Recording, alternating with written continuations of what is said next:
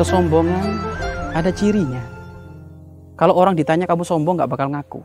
Tapi sangat nampak kepada perilakunya bagaimana orang sombong itu.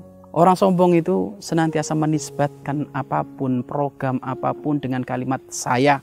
Ini pendapat saya, ini program saya, ini gara-gara saya. Itu termasuk adalah kalimat-kalimat sombong.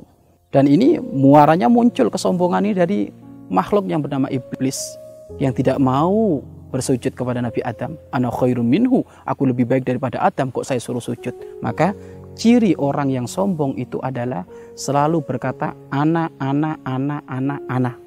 Bahkan sekarang sudah hampir terpampang di mana-mana slogan-slogan sombong. Pilih saya nanti bakal begini. Pilih saya nanti bakal begini. Ini slogan-slogan iblis. Slogan-slogan tidak indah itu. Kok saya, kok saya, saya. Padahal tidak ada apa pun yang terjadi di muka bumi ini kecuali semuanya murni karena pertolongan Allah. Semuanya murni karena memang bantuan dari Allah Subhanahu wa taala.